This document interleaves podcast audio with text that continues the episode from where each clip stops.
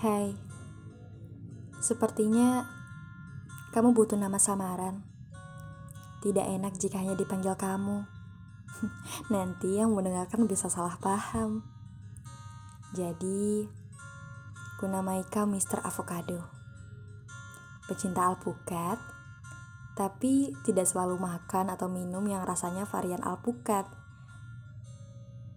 Tapi di antara varian lainnya, kau akan memilih alpukat. So, hai Mr. Avocado, apa kabar? Ini masih tentangmu. Duniaku masih di kamu. Jika ditanya sampai kapan, aku tidak bisa menjawab.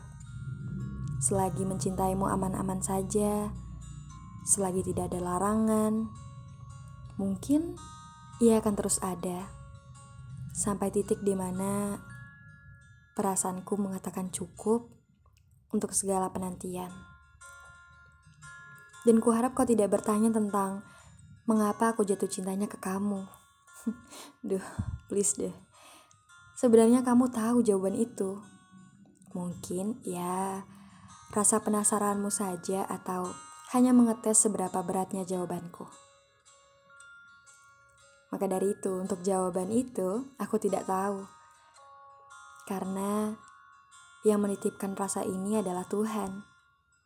Jadi, jangan pertanyakan itu lagi ya. Kau tahu, mungkin mereka-mereka yang mendengarkan ini juga sama-sama merasakan apa yang saat ini aku rasa. Mereka ingin sekali dimengerti perasaannya, karena mereka tidak bisa melakukan apa-apa di depan orang yang mereka suka. Sepertiku, persis sepertiku. Dan mengapa aku memilih menulis, membuat podcast, berkarya? Ya karena aku bersuara lewat mereka. Hingga jatuh cinta sendirian pun seolah tak jadi sebuah beban. Dan pastinya kamu sang tema di dalam setiap karya. Lagi-lagi aku mempertegas itu. Mungkin kau yang mendengarkan ini tidak akan sadar bahwa ini untukmu. Karena sikapku kepadamu dan kepada orang lain tidak ada bedanya. Kau tahu kan? Aku care ke semua orang. Namun, yang spesial adalah ketika aku menulis untukmu. Mencintaimu seperti tidak ada liburnya. Walaupun saat ini kita begitu berjarak. Tidak ada lagi saling menyapa. Tidak lagi saling membalas pesan hingga larut dan salah satu di antara kita tertidur. Aku rindu. Jujur aku rindu kedekatan kita. Bagaimana kamu yang usil, yang sering mengejek jahil, dan yang memberi tatapan teduh. Kini rasanya semuanya menghilang.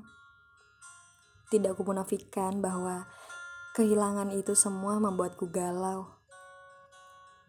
Namun sebenarnya, semakin kita dekat, semakin besar harapanku memilikimu. Semakin besar rasa sakitku jika nanti ternyata takdir tak menyatukan kita. Aku takut terlalu terjatuh. Takut luka sulit untuk sembuh. Karena kehilanganmu bukanlah bagian ending cerita yang ku mau. Lebih baik aku menghitung mundur, menjauh secara perlahan, lalu mematikan perasaan. Daripada harus ditinggal pas lagi sayang-sayangnya. Tapi entahlah, rasanya sayang sekali harus mengakhiri kisah ini tanpa kejelasan yang pasti, tanpa tahu rasamu, tanpa mengerti bagaimana pilihanmu. Seperti kamu adalah sang ending yang yang akan menyelesaikan cerita ini, bukan aku. Lagi-lagi aku bingung, menyerah. Tapi jika kamu datang, apakah bisa begitu mudah menolak kehadiranmu? Sebatas sapa hai saja, kadang membuatku luluh. Itulah cinta. membuat kita harus menerka-nerka dan merelakan pada siapa kita terluka. Lalu bagaimana? Apakah aku harus menyelesaikan cerita ini begitu saja? Atau masih tetap bertahan menunggu ending yang kau mau?